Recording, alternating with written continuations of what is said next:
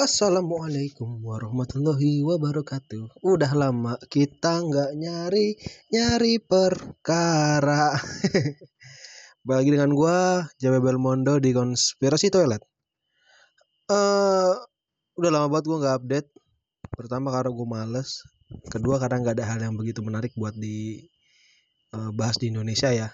Kecuali yang kemarin tukang bakso tiduran uh, karena nggak di karena nggak disuruh makan sama ayang gitu gitu kan. Remeh. Gue butuh bahannya baru yang lebih jos yang lebih uh, penting yang membuat kalau Indonesia ini adalah negara yang memiliki kepentingan-kepentingan tinggi yang nggak selesai dengan masalah-masalah sepele. Sampai akhirnya gue menemukan hal yang membuat gue sebagai seorang uh, komentator kehidupan gaya buat komentator kehidupan. Bagi orang nyinyir untuk uh, merasa tertarik adalah logo halal dari Kementerian Agama Republik Indonesia. Udah rada lama sih ya. Udah ada udah dua minggu apa tiga minggu udah berapa hari sih? Al? Iya udah beberapa minggu udah hitungan udah semingguan lebih lah. Uh, polemik logo halal di Indonesia itu terjadi. Nah ini mau gue bahas dulu sebenarnya logo halalnya itu pertama seperti apa, kenapa diganti, dan kenapa orang pada pro sama kontra. Karena pada dasarnya ya hal yang harus seperti ini tuh bukan bukan masalah pro dan kontra harusnya. Ya, karena kita sebagai masyarakat Indonesia itu cukup cukup menerima dengan lapang dada kepentingan-kepentingan yang akan keluar oleh pemimpin bangsa kita karena nggak penting juga sebenarnya kayak logo warteg juga logo halal sama aja. Nggak pakai kadang juga malah uh, restoran Indonesia jarang pakai logo halal ya karena kita tahu itu makanan pasti halal. Cuman ya ya ya tetap aja butuh. Cuman sebenarnya uh, gunanya kita atau gunanya diganti itu sebenarnya apa sih? Nah masalah ini bermula dari uh, Kemenak atau Kementerian uh, Agama Republik Indonesia itu mengambil alih uh, pengurusan halal di atau pengurusan label halal di Indonesia. Indonesia, bentar gue sambil nyari ya. Indonesia. Jadi uh, awalnya itu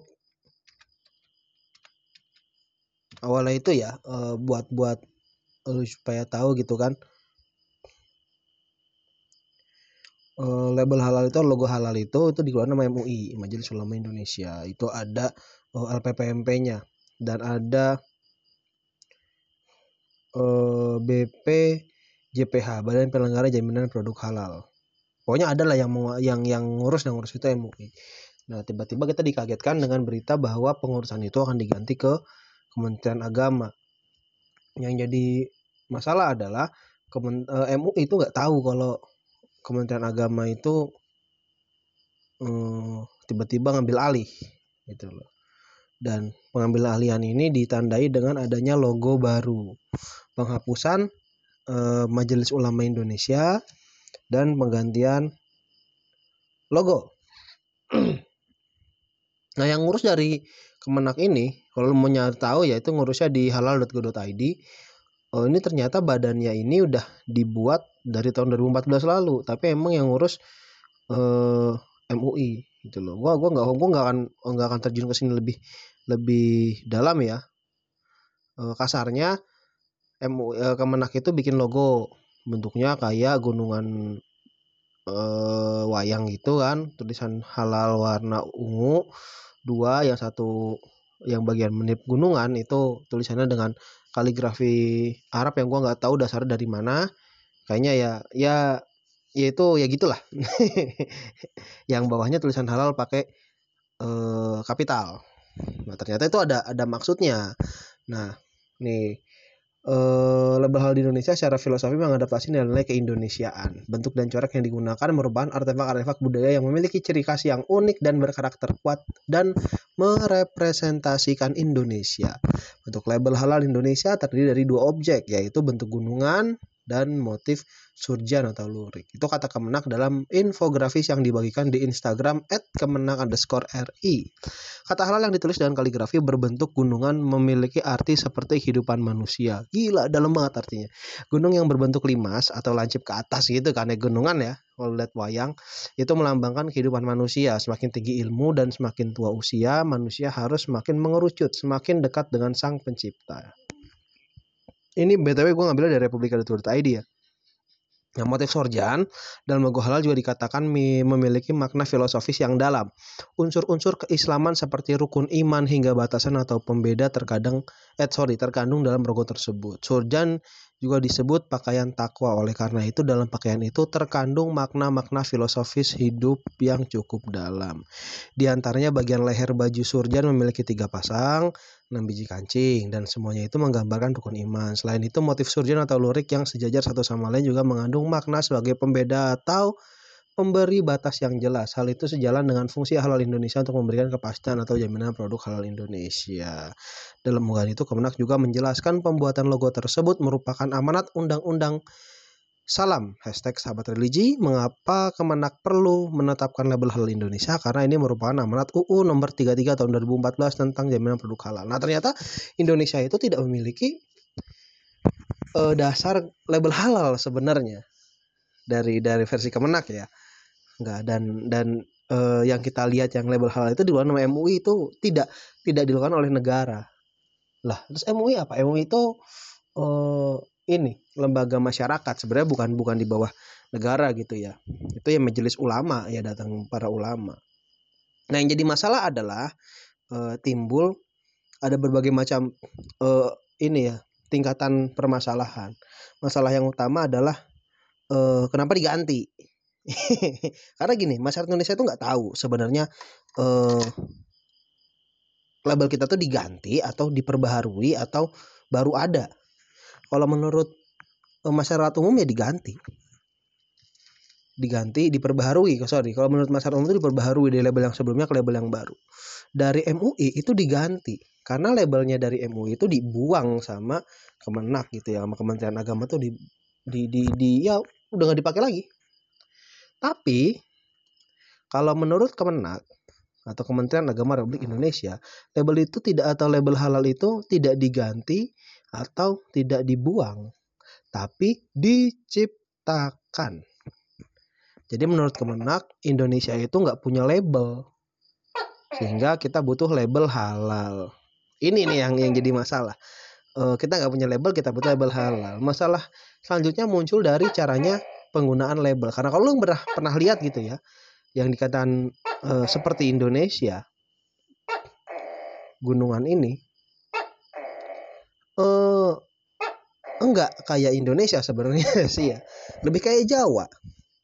Ini gue sebagai orang Jawa gitu ya uh, bahwa label hal ini ini bukan menggambarkan keindonesiaan tapi menggambarkan kejawaan Jawa banget. Dan kenapa jadi masalah? Pertama masalah timbul dari masyarakat Indonesia di luar Pulau Jawa yang ya ya ya yang memberikan suatu gambaran kalau melihat suatu komentar kalau ini mah fix Jawa bukan fix Indonesia. Kenapa sih jadi jadi penting? Kenapa sih kalau Jawa itu apakah Jawa bukan Indonesia? Bukan seperti itu maksudnya itu bukan Jawa itu bukan Indonesia. Tapi stop mengatakan eh, hal besar kalau lu memang nggak bisa menyimpulkan hal-hal kecil gitu loh. Kalau memang itu lu ngambil total dari Jawa ya bilang ini simbol dari uh, mengambil mengambil simbol dari kejawaan sebagai uh, apa ya perwakilan Indonesia dan lain sebagainya gitu loh. Kita nggak jadi masalah kok kalau kalau Indonesia tuh diidentitaskan dengan wayang atau diidentitaskan dengan Pulau Jawa atau di, dengan gadang. Tapi kalau misalnya lu bilang ini dari Indonesia dan jelas keindonesiaannya tapi cuma mengambil satu sisi di Indonesia adalah Pulau Jawa itu salah. Sama kayak misalnya Iya ibarat aja logo halal itu bentuknya kayak rumah gadang. Terus bilang ini adalah Indonesia. Itu salah. Kecuali kalau lo bilang ini mengambil uh, inspirasi dari salah satu kebudayaan di Indonesia. Dengan harapan lebih kental kebudayaan kita dan bisa mengambil semuanya. Kira-kira seperti itu. Kedua filosofi label itu dibilang kayak Indonesia juga gue nggak percaya. Pertama kayak gunung itu kan Jawa. ya bagus gitu loh. Masa filosofinya makin tua lo makin ke atas Uh, tapi setahu gue gunungan tuh filosofi gunungan tuh gak seperti itu. Gunungan itu kan menggambarkan uh, kehidupan dunia gitu loh menggambarkan kehidupan manusia. Bukan menggambar kehidupan manusia dari bawah ke atas tapi isi gunungannya. Sorry ya gak ada batuk. Dia kalau yang pernah lihat gunungan wayang sebelumnya yang dilihat itu bukan dari bentuknya yang yang seperti itu tapi dari motif gunungannya. Dalam gunungan itu ada pohon kemudian ada ABC dan sebagainya. Ada ada ada penggambarannya lah. Ada pohon ada harimau ada kerbau kemudian ada kera kemudian uh, ada beberapa orang kemudian ada tangga dan lain sebagainya. Itu menggambarkan kehidupan manusia secara seutuhnya. Yang menggambarkan itu bukan gunungannya bukan bentuknya tapi ya uh, proses itunya lu dari tangga, lu dari akar, kemudian lu naik ke atas, di atas itu ada kera, tandanya apa, kemudian naik ke atas lagi sampai ucup puncuk lu ada buah, berarti lu sudah uh, ini sebagai sudah lengkap sebagai manusia dan lain sebagainya gitu loh. Yang kedua adalah dari motif surjannya. Yang ini yang gua nggak nggak begitu terima atau gue pribadi itu merasa kayak kenapa harus motif surjan itu karena karena gue pernah lihat surjan kan gue pernah lihat lurik. Motifnya tidak seperti lurik juga. Uh, dan dibilang oh itu adalah menggambarkan keislaman. Iya motif surjan surjan surjan suatu budaya atau busana surjan. Kalau nggak tahu ya surjan itu sebenarnya buda, uh, busananya orang Jawa Yogyakarta. Pakai surjan atau pakai lurik. Itu bajunya orang Jawanya Yogyakarta. Dan dari baju itu juga menggambarkan sebenarnya menggambarkan nilai keislaman oh ada filosofi-filosofinya. Tapi yang buat filosofi itu bajunya seutuhnya. Lu pakai baju bentuk seperti ini, pakai ikat pinggang seperti ini, pakai sarung seperti ini, belangkon seperti ini. Itu tuh digambarkan dari ujung uh, kepala sampai ke ujung kaki. lu menggunakan motif surjan atau motif dalam surjan yang gue nggak tahu gambar apa gitu loh yang yang lu ambil dari surjan tuh bagian mananya terus lu bilang kalau ini adalah surjan dan lu menjelaskan semua arti dari surjan itu nggak seperti itu levelnya. Dan yang yang kedua bagi gua gitu ya eh, permasalahan yang ada di sini di bagian label adalah uh, tulisan Arab halalnya. Kalau lu tahu 20 negara yang gua baca ya uh, di beberapa website gitu ya atau logo-logo halal di seluruh negara lah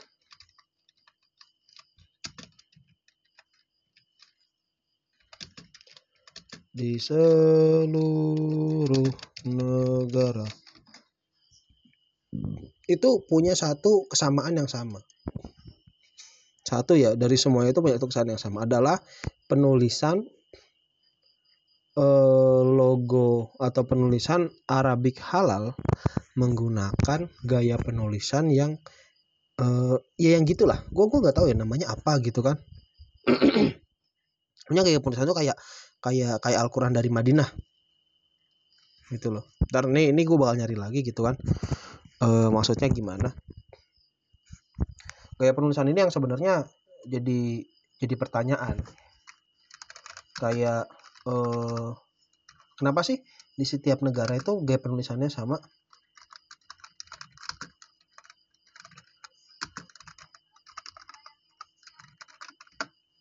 E, apa maknanya gitu loh Nah, e, ternyata gaya penulisan ini tuh ada ada khatnya. Ada khatnya. Khat itu adalah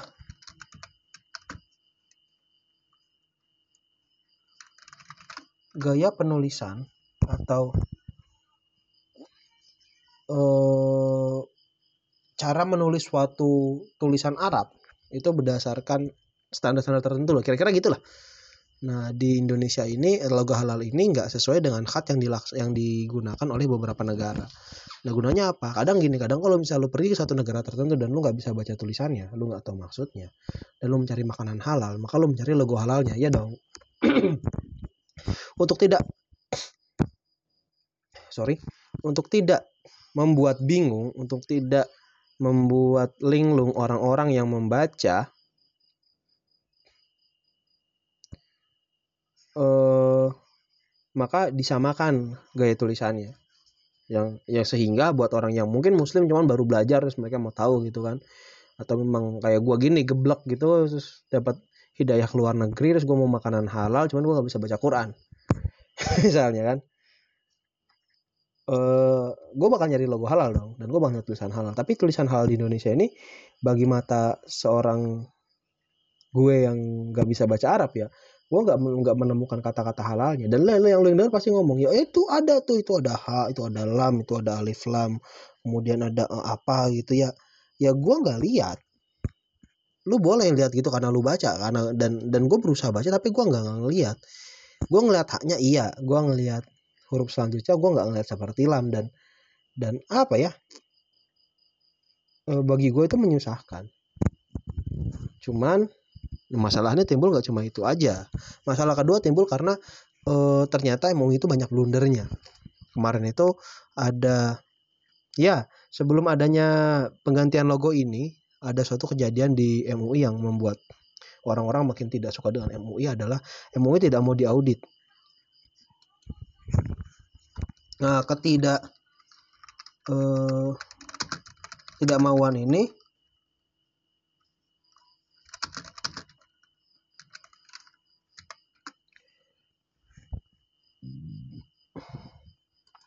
Ini gue gue ambil dari Maret ya 2014 nih 2014. Jadi sebenarnya yang yang masalah itu udah lama bahwa uang label halal itu tidak bos tidak bisa diaudit oleh negara. Negara nggak bisa mengaudit label halal atau uang yang digunakan untuk administrasi label halal. Jadi pertanyaan dong, kenapa uang administrasi label halal tidak bisa diaudit? Sorry ini internet gue rada lelet. Cuman eh, balik lagi ke tulisan tadi.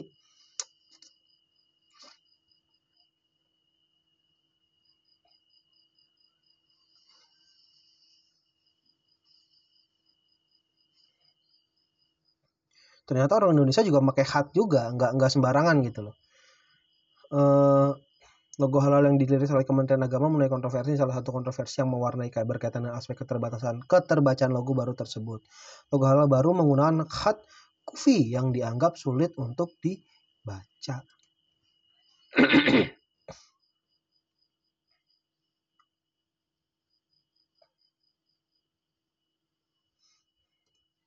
nah, eh, kat kufi itu apa dan bagaimana ceritanya? Ya, ya pokoknya susah dibaca lah. Ya kan? balik lagi nih, nih gue baju baca juga jadi Tempo Jakarta kalau Inspektur Jenderal Kementerian Agama Muhammad Jasir mengatakan pemasukan yang didapat MUI tidak bisa dipertanggungjawabkan BTW ini berita tahun 2014 ya jadi dulu nah eh, Badan Pemeriksa Keuangan BPK dan Inspektor tidak bisa mengaudit MUI Menurut dia, audit sebenarnya bisa dilakukan lewat kantor akuntan publik, tapi kalau MUI yang minta. Namun kata dia biasanya audit itu hasilnya bisa dipesan hanya untuk pencitraan saja katanya. Di depan dia berharap pemasukan dari sertifikasi halal bisa diperiksa BPK atau Inspektor Jenderal Kementerian Agama. Nah,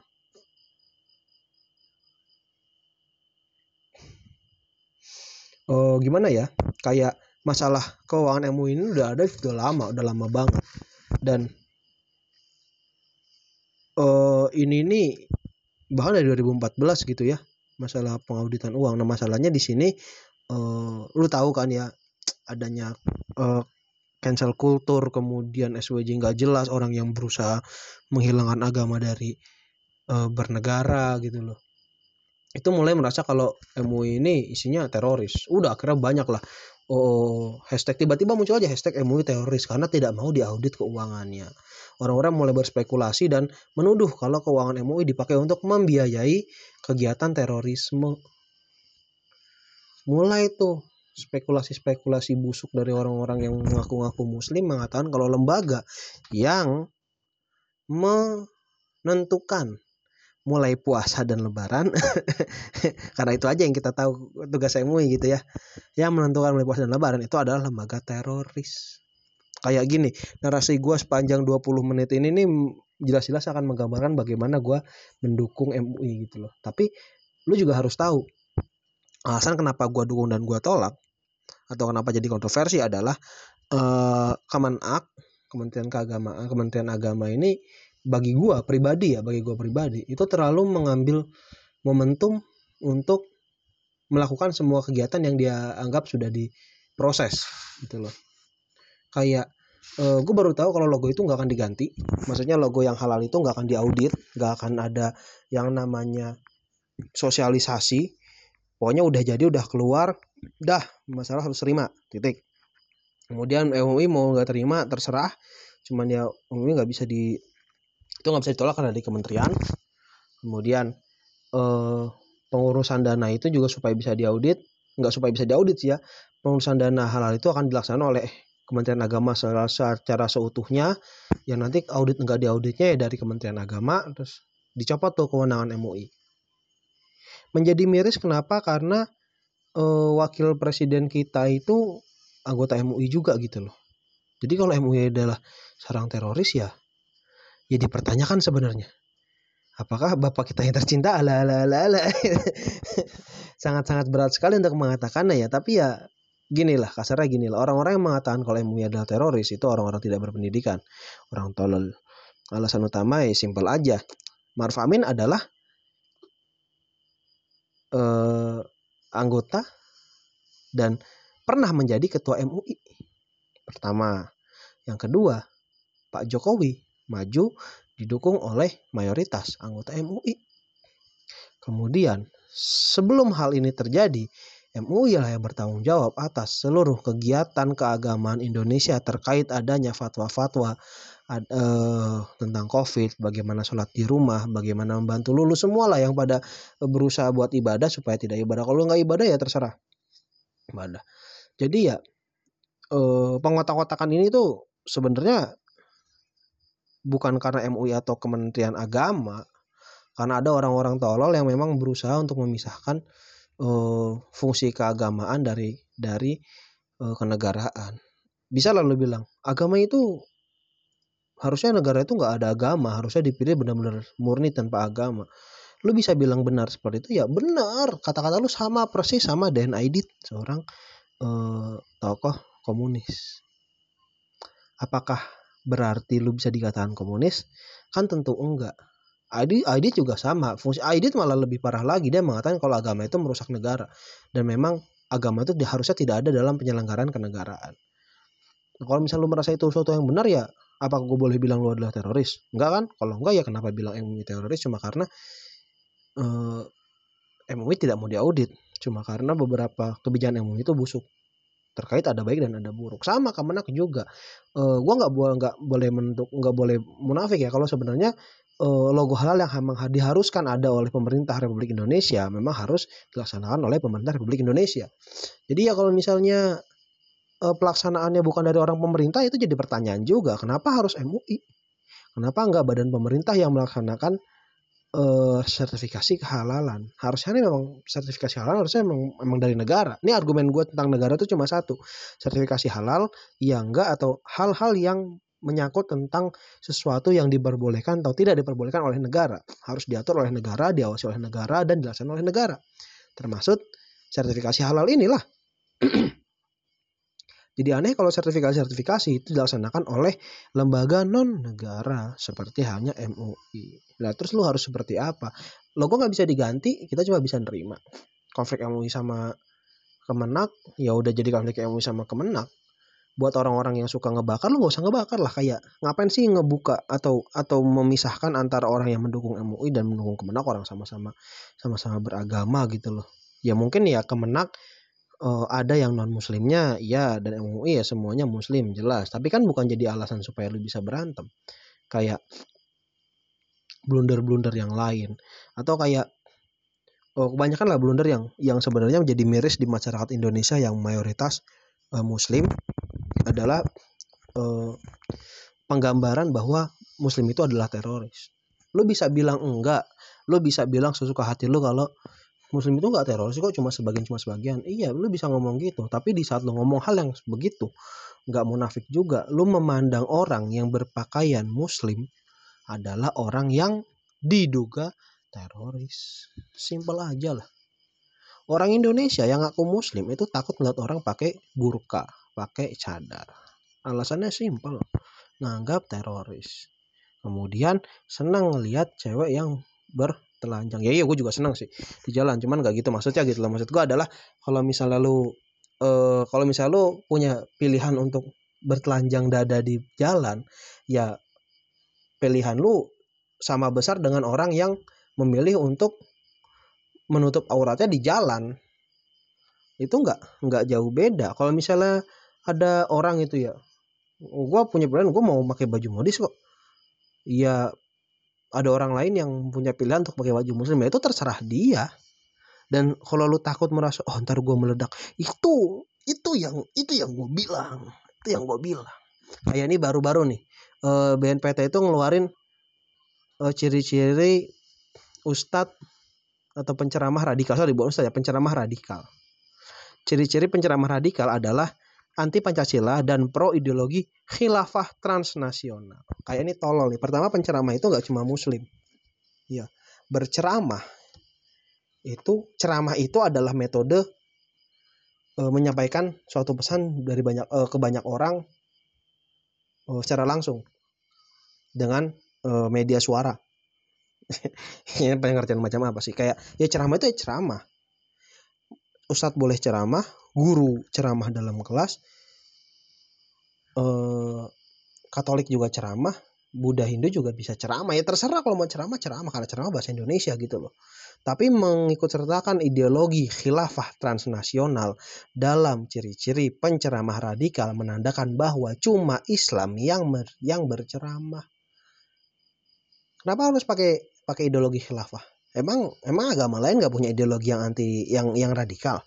Emang cuma Islam doang yang radikal. Ditambah, sorry, khilafah itu adalah uh, gini. Khilafah itu yang nyebut Allah gitu dalam Al-Quran itu Allah tuh menyebut kalau manusia memang diciptakan untuk menjadi seorang khilafah. Khilafah itu artinya pemimpin, artinya pemimpin, ideologi pemimpin. Kalau orang mengibarkan ideologi khilafah berarti ideologi anti Pancasila, uh, sebenarnya sebenarnya salah juga sih. Pengertian kata khilafahnya salah. Kayak kalau misalnya gue muslim nih, gue bilang gue khilafah kok. Tandanya gue adalah seorang pemimpin bagi hidup gue sendiri. Itu makna itu makna khilafah. Dan orang Indonesia tuh merasa kalau khilafah teroris khilafah teroris teroris itu kayak kayak lu tuh kalau otaknya da, mak mak mak kalau pikirannya pendek nggak usah banyak omong. Kalau lu nggak tahu artinya nggak usah banyak omong. Iyalah tapi kan orang luar mikirnya khilafah ya teroris. Berarti khilafah teroris. Enggak. Tandanya orang-orang kayak lu dan ribuan orang yang kayak sama kayak lu harus diam dan mengartikan mengartikan arti itu sebagai arti aslinya. Gitu loh. E, alasan kenapa khilafah itu sekarang diartikan teroris adalah karena orang-orang kayak lu yang merasa kalau khilafah teroris itu berbicara. Akhirnya semua orang akan berbicara seperti itu. Terus sekarang kan artinya udah berubah jadi teroris. Terus gimana dong ya gimana ya, ya gimana ya lu diem. Udah diem gak usah ngomong. Kemudian perbaiki bahwa arti itu menjadi arti yang sebenarnya. Banyak juga kok ustadz yang mengartikan khilafah dengan cara yang benar. Tapi maksud gua ya bukan gua mendukung khilafah karena karena terorisme itu sangat tidak boleh. Maksud gua kalau memang lu mengajarkan kalau misalnya ada penceramah anti pancasila ya itu jelas ya. Itu penceramah eh, penceramah yang memang uh, jangan lo ikutin buat di Indonesia. Kenapa? Karena dia anti Pancasila. Dia menyatakan dia tidak sesuai dengan Pancasila. Itu udah udah merupakan bentuk ceramah yang tidak boleh diikuti di Indonesia, agama mana pun. Tapi kalau lo masuk pro ideologi khilafah internasional, berarti lo secara tidak langsung menyebutkan bahwa cuma Islam yang bisa radikal. Karena lo mengikutkan ideologi khilafah. Simpelnya aja, di agama lain nih, kata khilafah itu tidak ada di bahasa Indonesia khilafah itu bahasa serapan. Dan itu blunder karena ini mbak bahkan dari dari Amir Syah dari salah satu uh, sekjen jadi sekjen MUI gitu loh Amir Syah Tambunan uh, mengatakan kalau kriteria pertama di ini blunder karena tidak paham dengan ajaran Islam khilafah. Amir Syah menyinggung Ijma Ulama Komisi Fatwa tahun 2021 memberikan rekomendasi kepada masyarakat dan pemerintah agar memahami jihad dan khilafah tidak dipandang negatif. Sebab forum itu menegaskan nilai-nilai kesungguhan atau jihad dan kepemimpinan atau khilafah adalah ajaran Islam untuk mengatasi problem umat bangsa. Jadi sebenarnya ada pengsalah artian kemudian ada orang tolol yang merasa kalau khilafah itu adalah uh, anti pancasila yang lu nggak tahu arti khilafah itu apa terus merasa kalau oh iya nih oh, ciri-ciri radikal itu pasti pro khilafah. Kayak khilafah itu artinya pemimpin jiwa kepemimpinan itu adalah khilaf khilafiah. Itu khilafah itu arti arti dasarnya pemimpin. Ya lu jangan menghilangkan arti dasar itu dong. Ya ya ini ini masalah yang berbeda gitu ya maksud gua hal yang tidak tidak sesuai. Tapi apalah apalah bahasa gue karena gue juga masih sering coli gitu kan. Gue maksudnya gue nggak sempurna dan gue nggak pada koridor gue untuk berbicara masalah agama. Maksud gue adalah apa pun agama lo seandainya ya seandainya ya umat selain muslim ya tiba-tiba Kristen lah tiba-tiba Indonesia Kristen Indonesia eh, dekat dengan kakak-kakak terus orang jadi pandang negatif. Lah gue akan berbicara yang sama. Kayak jangan menyempitkan otak lu karena lu nggak ngerti artinya dan ini yang terjadi. Saat orang-orang yang nggak paham lu kasih panggung buat berbicara. Menghentikan itu gimana caranya dan? Kalau kata gue cukup nggak usah didengar ditinggal biarin. Dah cukup. Untuk video oh, video lagi. Untuk podcast yang lama banget nggak gue isi gitu ya gue sorry banget ini terlalu panjang. Makasih buat lu semua yang udah dengerin. Eh, selamat malam. Uy